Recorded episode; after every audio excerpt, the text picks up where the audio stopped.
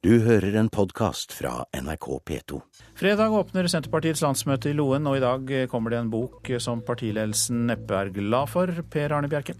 Hovedpersonen sitter her hos meg. Ola Borten Moe er gjest i Politisk kvarter. Og regjeringen vil gjøre det enklere for barnevern å ta ungene fra foreldrene. Dårlig forslag, mener KrF.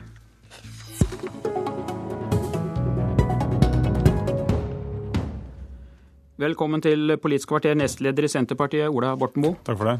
Hva syns du om den boka som VGs debattredaktør Elisabeth Skarsbø Moen har skrevet om deg? Ja, Nå skal den jo legges frem først om to timer.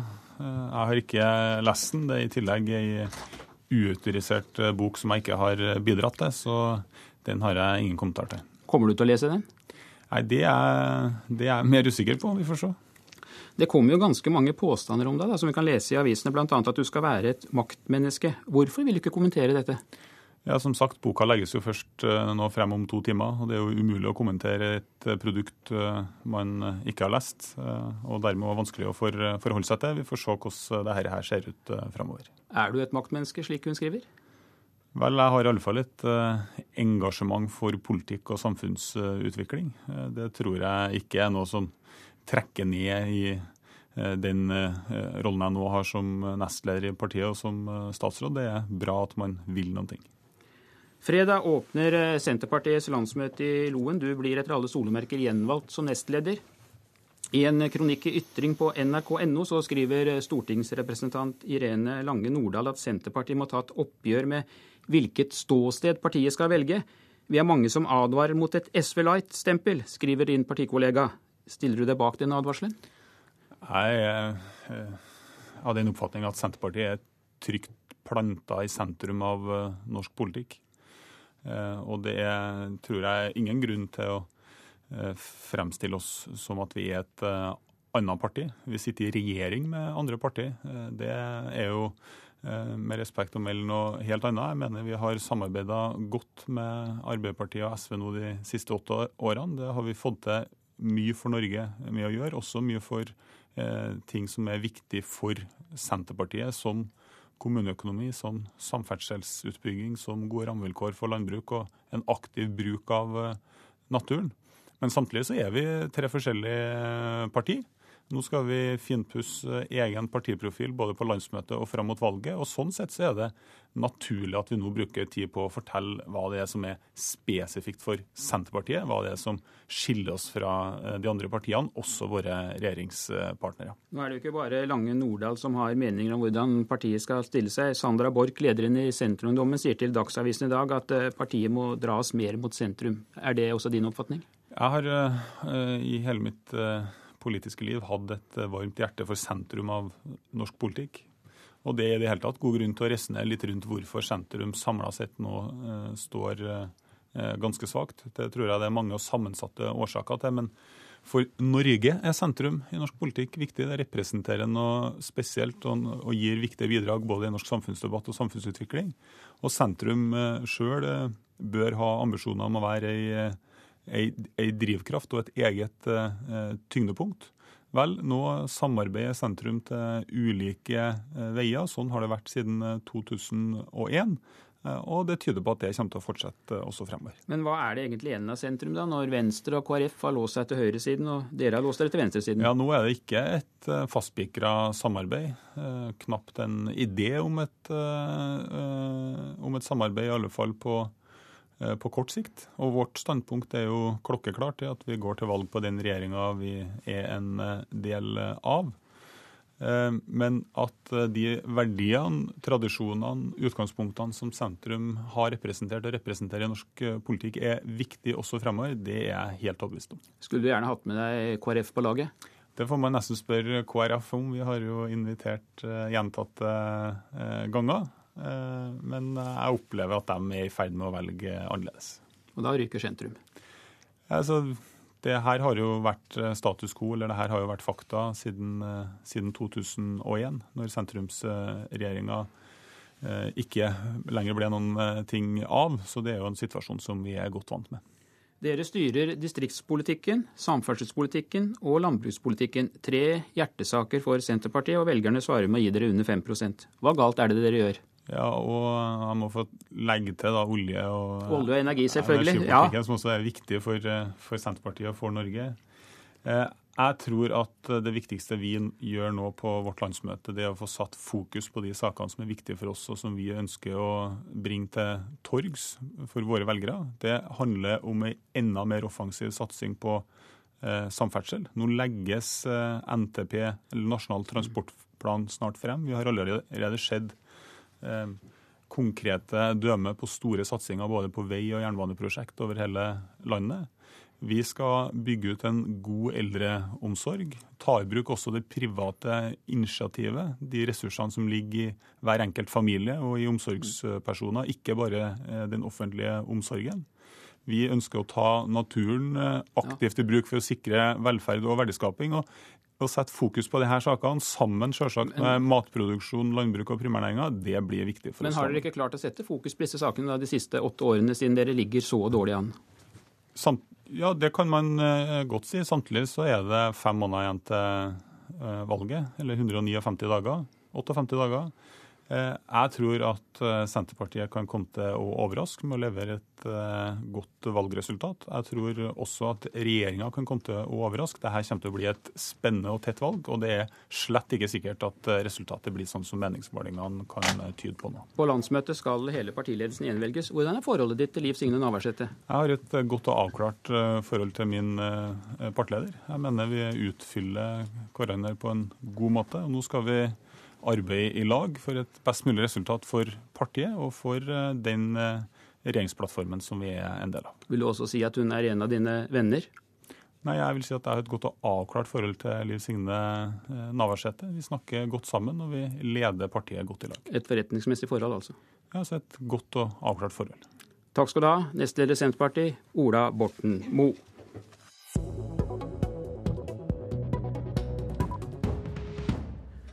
Fredag legger regjeringen frem meldingen om barnevernet.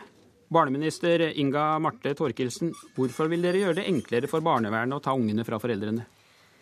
Eh, la meg først si at eh, Målet vårt er jo at barna skal kunne være hjemme hos foreldrene sine. Eh, det er eh, stort sett det beste for barna. Men der det ikke er det beste for barna, og der barn blir skadelidende av å være hjemme med sine egne foreldre, så er det et mål for oss at eh, vi klarer å hjelpe de barna best mulig. Og da dreier det seg om å ikke ha for stor tålmodighet på vegne av barna hvis vi ser at foreldrene har en type problemer eller utøver en form for omsorgssvikt, til og med vold overfor sine egne barn, som gjør at barna har eh, behov for noe annet. Betyr dette at flere barn skal tvangsflyttes fra sine biologiske foreldre? Nei, det betyr det ikke nødvendigvis i det hele tatt. Men eh, det betyr i hvert fall at vi ønsker å gripe inn raskere. Tidlig innsats er veldig viktig. Og vi ser jo at responsen vi får på uh, utspillet som har eh, vært fra meg i forkant at vi legger fram en barnevernreform, den er veldig positiv på akkurat dette. Ikke minst fra barnevernsbarna sjøl. De har vært veldig aktive i debatten de siste årene. Uh, og klart å dreie den over på det rette sporet. Før så var det en allmenn oppfatning i Norge om at barnevernet greip inn altfor ofte og for tidlig flytta masse barn fra familiene sine som de ikke burde ha flytta. I dag er debatten heller der den burde være, nemlig at det er for mange barn som ikke får hjelp i tide. Stortingsrepresentant Øyvind Håbrekke fra Kristelig Folkeparti. Hvorfor mener dere det er feil å senke terskelen for når barnevernet kan gripe inn og ta omsorgen fra mor og far?